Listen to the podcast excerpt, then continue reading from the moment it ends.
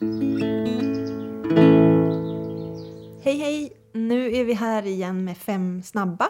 Och det här är ju en liten mellanavsnitt i våran podd En vildare planet där vi tar lite, lite kort om olika ämnen. Och den här gången så har jag Sandra Josefsson med mig här. Hej! Hej! Och vi ska ha fem snabba om lantraser. Kul! Ja, så första frågan. Har alla kor horn? Nej, det har de inte. Det finns olika raser av kor. Och eh, vissa har horn, vissa raser. Och andra raser har det inte och då säger man att de är kulliga. Mm, så det är därifrån ordet kulla kommer? eller? Precis, Rödkulla. rödkulla. Den är röd och kullig. Den har inga horn. Och det, det är ju positivt, kan vara, att de inte har horn. För att man kan skada sig mer eh, om de har horn. Men jag tror också att de har sett några negativa saker också om de inte har horn. Att, de kanske har, att det kan vara kopplat till mjölkproduktion och sådär. Okej. Men jag är inte helt insatt i det. Så att jag ska inte prata mer om det tror jag.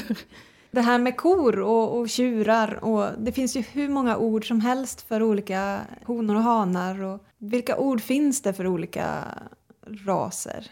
Jag tror att många känner nog igen de vanliga som get och bock för getter. Och sen ord som kan vara lite, som kan vara lite finurliga, det är kanske på gäss då. Man säger gåskar till hanen. Och så gåsa för hona. Och med anker så pratar man om drake för hane. Men att eh, hona heter anka. Så ibland kan det ju bli lite, man får vara för, förtydliga så här att, alltså ankhonan eller geten, alltså gethonan. Det associerar jag med, med fågelarten brushane som heter brushane. Det blir så här, är det en brushanehane eller en brushanehona? Ja, det blir samma sak. Men eh, med grisar, ja för där finns något som heter gylta. Ja, och det är ju alltså en hona som inte har fått ungar än. Så när hon är, innan hon får kultingar så säger man att det är en gylta. Samma lite ordet för ko, där vi har kviga. Innan eh, kon får en kalv säger man kviga. Och sen är hon en ko. Ja, precis. Där är också det där, ja, ko, get, anka. Men man använder fortfarande de här orden eller? Ja, det är viktigt sådär när man pratar om djuren, för det är en stor grej i deras liv kan man säga. När de är, har blivit avelsdjur. Så är det viktigt att skilja på att ja, men det där är faktiskt en gylta eller det där är en sugga. Ja, hon har inte kalvat än, det är en kviga. Ja, det använder vi. Eh, tappar vissa får ullen själv eller måste man alltid klippa? Till viss del finns det vissa raser som tappar lite av ullen. Jag tror att det här att de, man inte behöver klippa dem alls har nog försvunnit. Till exempel gutefår som vi har på Nordens ark. Där kan man säga att de släpper, säger man. Och då kan det komma tussar som hänger lite kvar i eh, bottenullen. Som man kan dra. Men eh, vi klipper våra gutefår. Och sen en fråga om hönor. Hur funkar det här med äggläggning? För de lägger väl ett ägg om dagen, eller hur gör de? Ja, där är ju den här skillnaden på lantras och eh, ägghöna, eller som finns i produktion. Det är att en produktionshöna lägger nog ett ägg om dagen.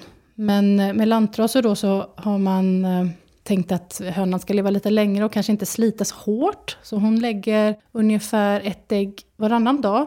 Men man märker att de trappar ner lite och att de får gå i vintervila brukar vi vi vill att de ska gå i vintervila så att de får vila upp sig inför våren. För våren är ju den hektiska tiden då när de ska få ungar och komma igång med äggläggning. Och det är ju hårt för en höna att producera ägg. Det, det krävs mycket av hönan. Så att då börjar de lägga ägg. Och eftersom de kan lägga så, så pass många ägg så väntar ju inte hönan tills hon har lagt alla ägg innan hon börjar ruva. Utan, För det är när hon börjar ruva som processen med kycklingar kommer igång. Ja, precis. Att om de går i en flock med tuppar så blir ju förhoppningsvis, eller oftast, äggen befruktade. Och sen då när hon lägger dem och börjar ruva dem så startar utvecklingen av kycklingen. Och ibland kan det ju vara hönor som lägger ägg i samma rede och den som först blir ruvsugen hon tar de äggen och lägger sig. Och en del vill inte ruva alls, de lägger ägg. Så det, det kan ju vara bra om man har en, en hobbyflock hemma. Att man har några som ruvar och några som lägger ägg. För så länge de ruvar lägger de inga ägg egentligen. Och det, om man vill ha frukostägg då så kan det vara bra att ha båda sorter.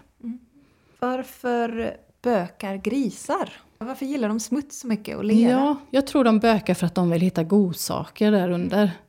de har förstått att det är inte bara ovan mark som det finns gott att äta, utan de letar rötter och insekter och väldigt bra markomvandlare.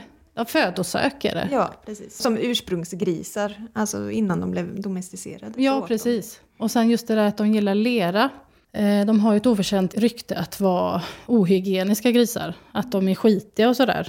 Men det har nog att göra med att förr i tiden, när vi hade gris kanske mitt i stan, så hade de en liten yta och var kanske tvungen att eh, lägga sig i sin egen spillning eller bajs. Och det behöver de då, leran behöver de lägga sig i gyttjebad och så för att eh, skydda sig mot solen.